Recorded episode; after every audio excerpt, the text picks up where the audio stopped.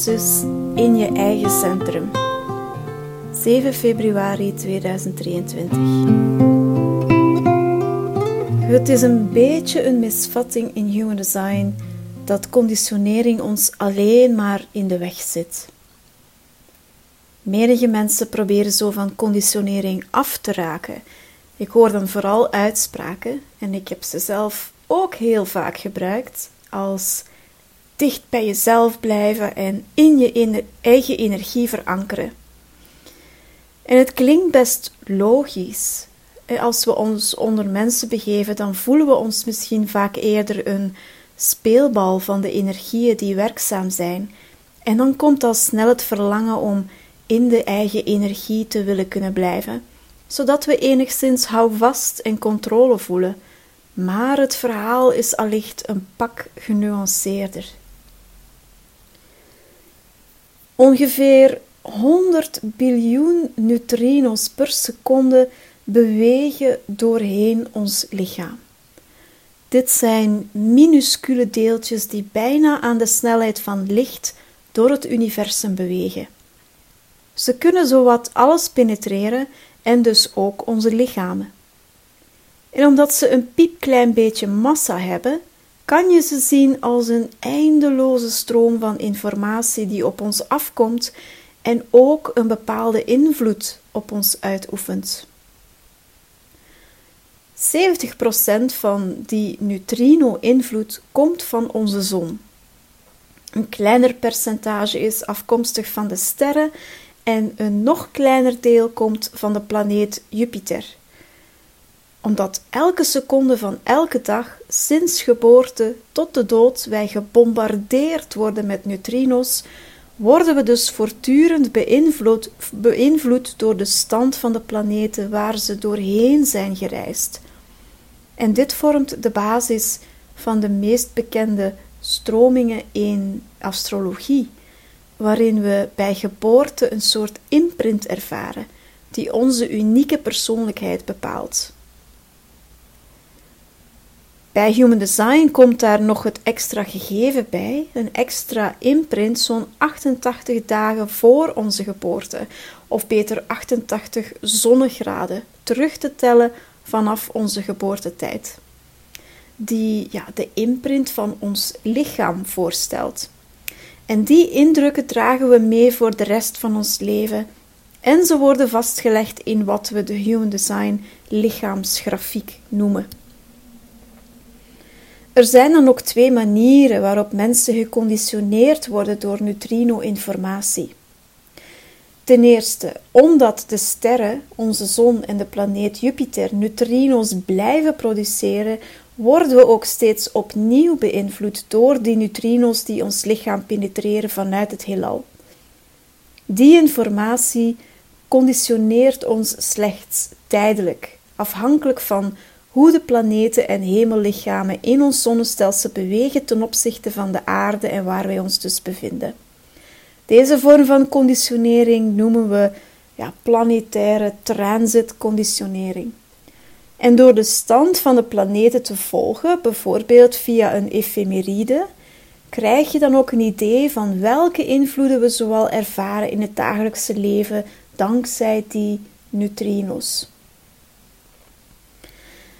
En ten tweede, neutrino's penetreren dus elk levend wezen op elke planeet. Ay, op deze planeet. Diezelfde neutrino's verlaten dan ook weer onze lichamen, maar nemen een deeltje informatie met zich mee vanuit onze lichamen. In dat opzicht kan je zeggen dat wij als mens ook informatie uitzenden in de wereld en dus niet alleen opnemen. En wat we uitzenden kan een directe invloed hebben op de mensen om ons heen, vooral als we in elkaars aura komen en of interactie met elkaar aangaan. En dit wordt gezien als een van de sterkst conditionerende invloeden naast onze vaste lichaamsgrafiek imprint. We worden dus geconditioneerd door de vele neutrino's die ons lichaam penetreren en weer verlaten.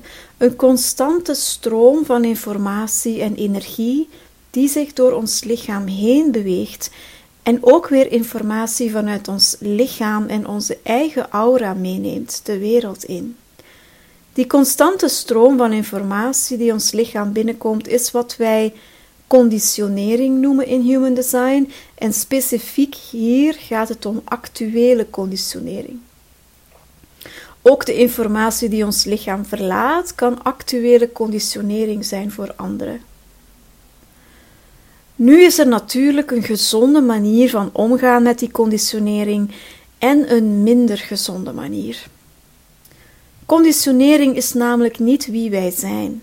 Het is slechts informatie en energie dat tijdelijk door ons lichaam heen beweegt.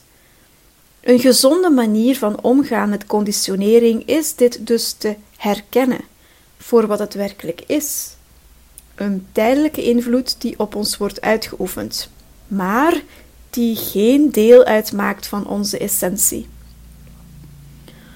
Een ongezonde manier van omgaan met conditionering is wanneer we ons gaan hechten aan die informatie en ons ermee identificeren, waardoor we het vastzetten in ons lichaam en het als het ware niet zelf laagjes gaat vormen rond onze essentie.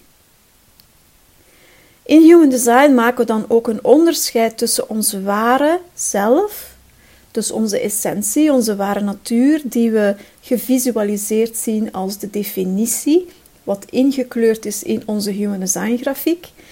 En anderzijds ons niet-zelf. Dus alles wat wit of niet ingekleurd is in onze Human Design grafiek, waardoorheen we de wereld binnennemen. Als ook de vele laagjes die we hebben geadopteerd, maar die in wezen niet onze essentie zijn. Het is dan ook erg belangrijk om te begrijpen dat de aard van conditionering altijd tijdelijk is. Het is ook vluchtige, vloeiende energie die gewoon door ons heen mag stromen. Maar wanneer we opgroeien en afhankelijk zijn van onze primaire verzorgers voor onze overleving, gaan we ons veelal identificeren met de informatie die van die verzorgers en andere belangrijke rolmodellen in ons leven komt, net omdat we in een maatschappij leven waarin bepaald gewenst gedrag verwacht wordt. als kind gaan we daardoor meestal de informatie die we van mensen die belangrijk voor ons zijn adopteren en zien als deel van wie wij zijn. Vaak gaan we ook bepaalde mechanismen ontwikkelen om om te leren gaan met die vele verwachtingen, in de hoop dat we zo de liefde kunnen verdienen van onze verzorgers, zodat we kunnen overleven. En diezelfde patronen en mechanismen gaan we daarna ook uitspelen met de vele mensen in ons leven waar we mee te maken krijgen, omdat het door de vele herhaling van die patronen ingesleten paden worden. En op den duur weten we niet anders meer. Het wordt een soort tweede natuur. En in plaats van conditionerende energie en informatie simpelweg door ons heen te laten stromen en in de kern dus te opereren als het unieke wezen dat we zijn, gaan we ons steeds meer aanpassen aan die conditionering, die zich dan ook vast gaat zetten in ons lichaam als vele laagjes boven ons unieke wezen, bovenop ons unieke wezen. En tegen de tijd dat kinderen volwassen worden, opereren ze dus niet meer als het unieke wezen dat ze zijn, maar zijn ze een aangepaste, vaak gehomogeniseerde versie van zichzelf geworden, met vele laagjes van ja, conditionering, die we dan eerder historische conditionering noemen, die zich als een bolster om hun unieke essentie hebben gevormd. En de rest van ons volwassen leven gaan we ons dan ook vaak proberen losmaken van die vastgezette historische conditionering, omdat de drang naar leven zoals onszelf heel erg sterk kan zijn. We worden immers als volwassenen helemaal niet gelukkig van het leven met al die laagjes. Het zit in de weg wanneer we ons levensdoel willen leven, wanneer we willen gedijen in plaats van overleven en gezonde en diep verbindende relaties willen aangaan, of oprechte vrijheid willen ervaren, en zo verder. Dus het afpellen van die laagjes historische conditionering kan een erg verwarrende, pijnlijke en beangstigende reis zijn. Waarin je te maken krijgt met de oorzaken waarom je die laagjes hebt geadopteerd, waaronder de imperfectie van je eigen verzorgers die jou niet konden zien voor wie je echt was. Waaronder ook traumatische gebeurtenissen uit het verleden, waardoor je mechanismen en strategieën hebt opgebouwd om jezelf te beschermen. En waardoor je ook moet gaan breken met de norm, de status quo, omdat je niet langer past in die gehomogeniseerde wereld, maar net met jouw uniekheid er steeds meer buiten gaat vallen. Veel mensen durven die reis van het omarmen van hun unieke essentie niet ten volle aangaan, omdat ze geconfronteerd worden met waar ze het meest bang voor zijn: geïsoleerd en verstoten worden, het gevoel van niet te voldoen of geen liefde te verdienen alles te verliezen wat ze hebben verworven en opgebouwd, en zo verder. Dus de reis van deconditionering is daarom een heuse heldenreis. Een reis voor de moedigen onder ons die hun diepste angsten onder ogen willen komen en puur en authentiek in het leven willen staan. Een reis die we alleen moeten aangaan, maar waarin we elkaar wel kunnen ondersteunen gezien we er met z'n allen doorheen moeten om te kunnen leven als ons ware zelf. En in mijn ervaring is het deconditioneringsproces een van de mooiste geschenken die je jezelf in de wereld kan geven. Maar het vraagt heel wat moed om door al die laagjes heen te bewegen. En het vreemde is dat wanneer we volledig gedeconditioneerd zijn, en leven als ons ware zelf, we nog steeds te maken krijgen met actuele conditionering. Elke seconde van elke dag. Er is dus geen ontlopen aan. In vele spirituele stromingen spreken mensen dan ook vaak over in je eigen energie of in je eigen centrum blijven. Alsof je daarmee dan alles ook meteen kan oplossen of zo. Maar dat is niet de aard van het leven. En ik heb het zo vaak geprobeerd. Ik werkte zo hard om in mijn eigen energie te blijven. Vooral als ik bijvoorbeeld op, zoek, op bezoek ging bij mijn familie van herkomst.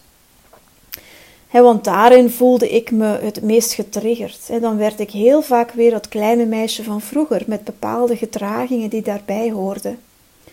En dan kon ik soms zo boos zijn op mezelf. Of ik voelde me teleurgesteld in mezelf, dat ik alweer in die val was getrapt. En waarom kan ik niet gewoon in mijn eigen centrum blijven, hulde ik dan. En ik nam me voor de volgende keer dan nog meer mijn best te doen. Ik was er ook voor in therapie.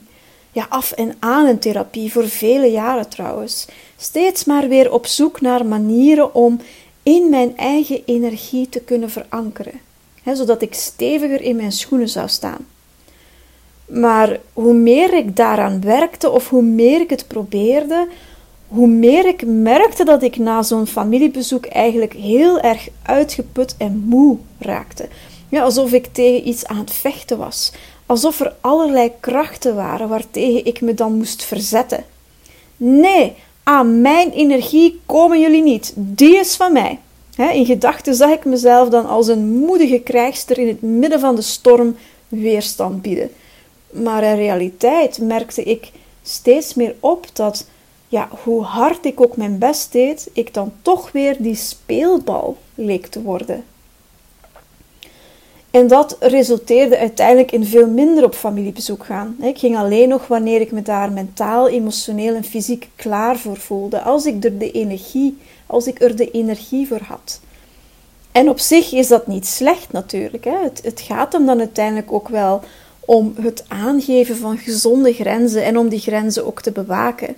Ik werd dus een pak selectiever met waar ik mijn energie en kostbare tijd aan gaf.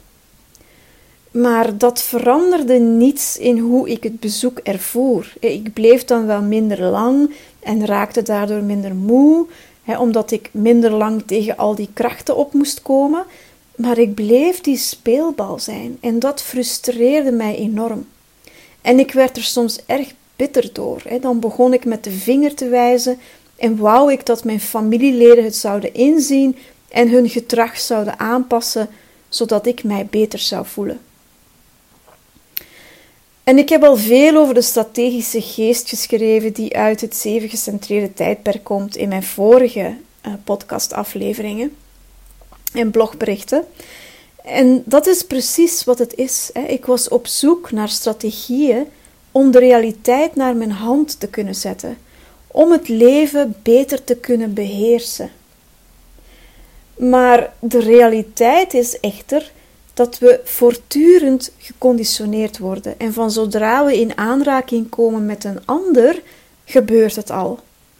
We hebben er nagenoeg geen controle over. En we kunnen het dus proberen te manipuleren of te bevechten tot we erbij neervallen en dan merken we dat het weinig baat heeft. Die conditionering die blijft gewoon gebeuren. En het is dus niet een kwestie van proberen in je eigen energie te blijven wanneer we de ander ontmoeten. Het gaat er eerder om dat we ons bewust worden van wat er gebeurt, van de conditionering.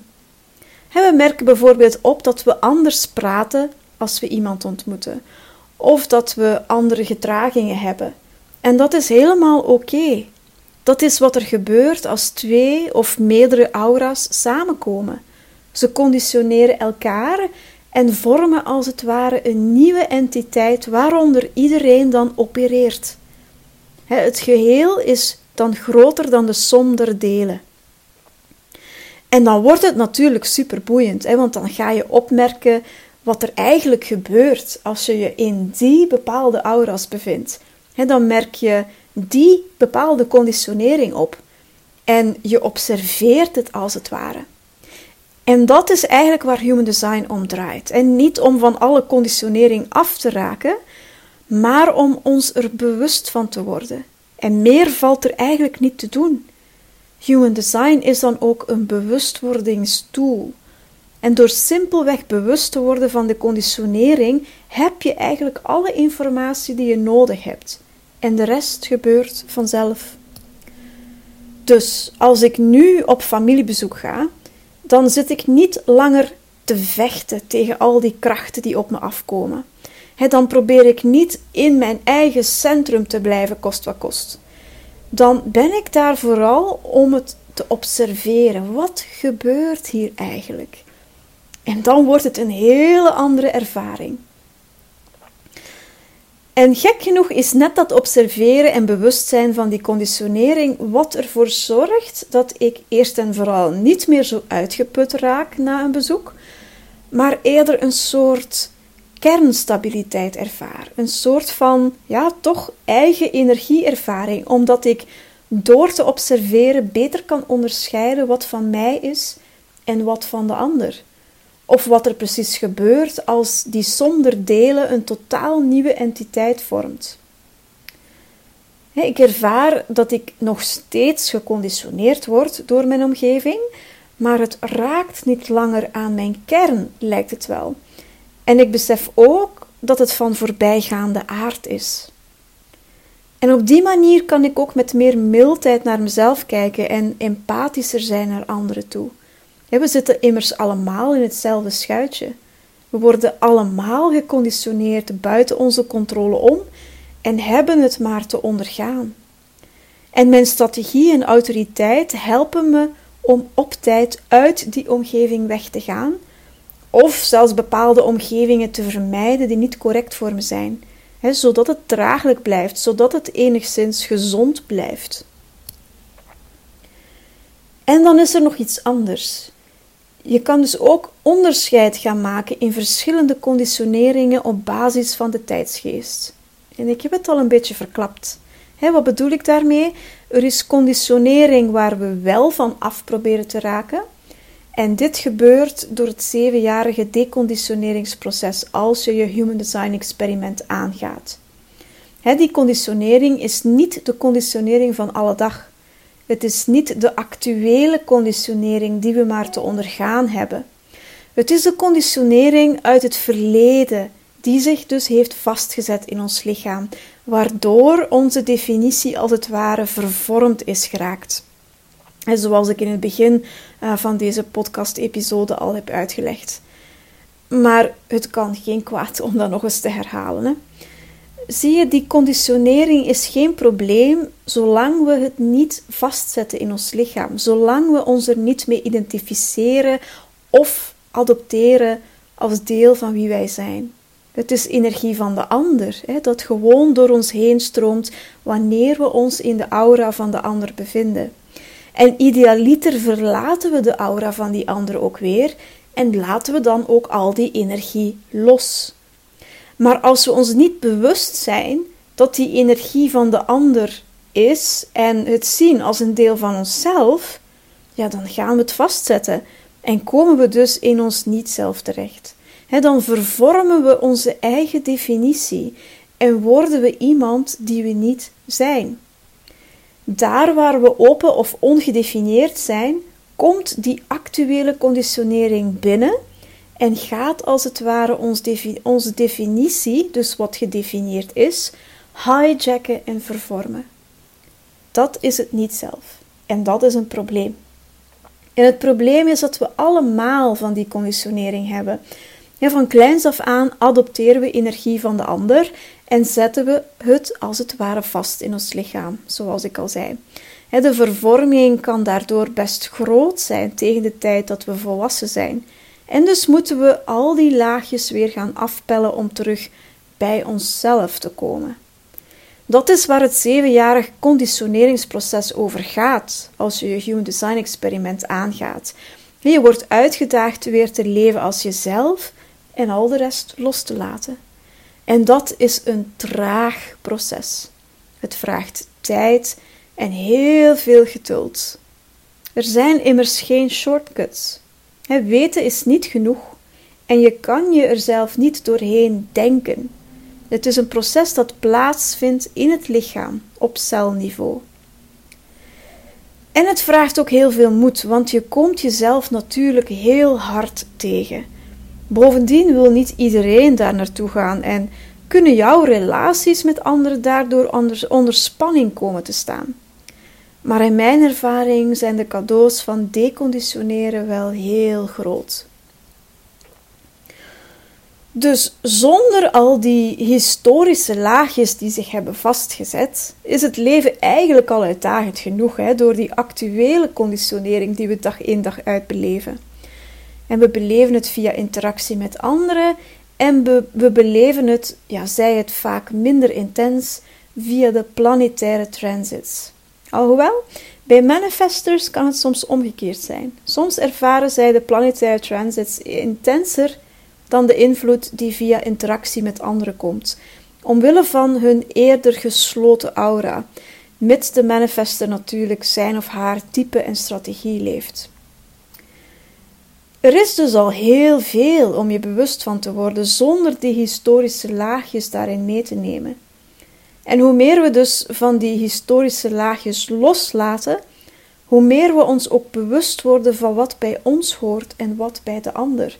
En wat het makkelijker maakt om doorheen die actuele conditionering te navigeren. En met navigeren bedoel ik niet ja, dat we niet geïmpacteerd worden door die actuele conditionering. Natuurlijk wel. Maar het is makkelijker om na elke ontmoeting die energie weer los te laten. Het navigeren zelf gebeurt natuurlijk door goed naar onze strategie en autoriteit te luisteren. Dat we ons dus even een speelbal voelen door de energie van bij de ander of een groep mensen te zijn, is heel normaal. En het is helemaal oké. Maar het hoeft ons niet te definiëren. Deconditioneren begint overigens wel met voldoende tijd in je eigen aura te vertoeven. Bij voorkeur ook door alleen te slapen, zodat je s'nachts die conditionerende energie, die je doorheen de dag van anderen in je hebt opgenomen, ook makkelijker kan ontladen tijdens je slaap. En daarnaast is het een kwestie van je bewust te zijn dat conditionering voortdurend gebeurt, maar dat zich dat niet hoeft vast te zetten in jouw systeem. Het is slechts een tijdelijk gebeuren. Het is zoals een dans. Dansen met het leven en dansen met je omgeving. Ik ga dus met een totaal andere instelling op familiebezoek. Ja, eerst en vooral laat ik mijn innerlijke autoriteit beslissen of zo'n bezoek correct voor me is en hoe lang dat dan mag duren. En daarnaast vecht ik niet meer tegen het gevoel een speelbal te zijn van de energieën. Ik laat het gewoon gebeuren en merk het simpelweg op. Ik probeer er op een mindful manier mee om te gaan. En Mary Ann Winneker gaf er een mooie omschrijving aan. Ze zegt: Ik doe dan alsof ik een geest ben, een spook. Je weet wel, een doorschijnend spook. Alles van de ander stroomt dan gewoon door me heen. Ik heb een ongedefinieerde solarplexus en laat de emotionele golf van de ander gewoon door me heen stromen, langs voor erin en langs achter er weer uit. En dat vond ik een hele mooie beeldspraak om mee te nemen in mijn conditioneringsverhaal. Conditionering gebeurt, maar het mag gewoon door me heen stromen. Ik hoef er niets mee te doen. Ik hoef er niets aan te veranderen. Het zijn uiteindelijk momentopnames, net zoals emoties. Opeens zijn ze er en ik hoef ze simpelweg te voelen, meer niet. En ik hoef al zeker niets te proberen ontlopen, ergens tegen te vechten of in mijn eigen energie te proberen blijven. En toch lijkt het erop dat dat is wat er gebeurt als je in dit bewustzijn zit. Je bent nog steeds jezelf. Maar hoe dit zich uitspeelt is afhankelijk van hoe de aura's samenkomen. Andere mensen trekken andere dingen uit mijn energie. En ik heb een bepaald effect op de ander. En dat is helemaal oké. Het is ook boeiend om te zien wat er dan precies gebeurt. Dus het gevaar van conditionering is natuurlijk dat we erin verstrikt raken, omdat we ons niet bewust zijn dat we geconditioneerd worden. Dan gaan we beslissingen nemen op basis van die conditionering, of kunnen we heel erg reactief worden door wat er gebeurt. We kunnen zelfs het idee hebben dat wat ons overkomt nooit meer overgaat, waardoor we het erger maken dan het is. We ervaren dan dat we bijvoorbeeld getriggerd worden in onze historische conditionering en we willen dan zo snel mogelijk van dat oncomfortabele gevoel af.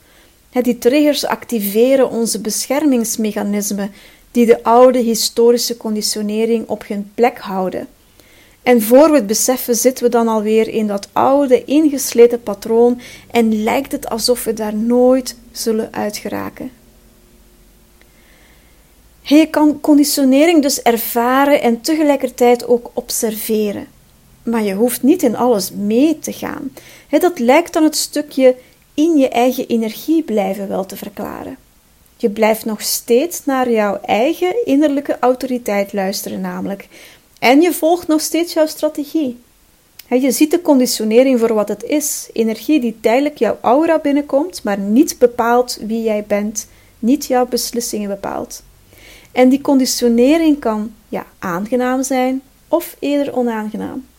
En dan, ja, dat is dan de geest die het gaat meten en er een oordeel over velt. Maar eigenlijk, het is wat het is. Conditionering is dus geen excuus natuurlijk om die innerlijke autoriteit en je strategie te gaan negeren. Ook is het niet de schuld van de ander dat jij last hebt van die conditionering. Ja, want de ander kan het niet helpen. Jij conditioneert even goed en ook jij kan het niet helpen. Het is simpelweg wat er gebeurt. Jij zendt uit vanuit jouw definitie en de ander zendt uit vanuit zijn of haar definitie. En dat pikken we van elkaar op, afhankelijk van de openheid in onze eigen blauwdruk.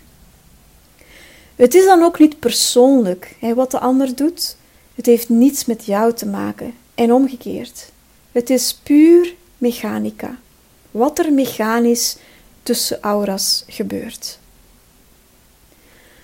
Strategie en autoriteit werken dus op twee gebieden. Enerzijds helpen ze ons om historische conditionering af te pellen en terug te leven als onszelf. En anderzijds helpen ze ons te navigeren doorheen actuele conditionering zonder daarin verstrikt te raken. Nu, natuurlijk dragen we wel verantwoordelijkheid voor hoe, hoe we met conditionering omgaan. We dragen verantwoordelijkheid voor het loslaten van onze historische conditionering, zodat het onze definitie niet langer vervormt. En we dragen verantwoordelijkheid voor het loslaten van de actuele conditionering. En daar niet altijd in slagen, of niet snel genoeg in slagen, is natuurlijk wel deel van het proces. deel van de ervaring die we het leven noemen.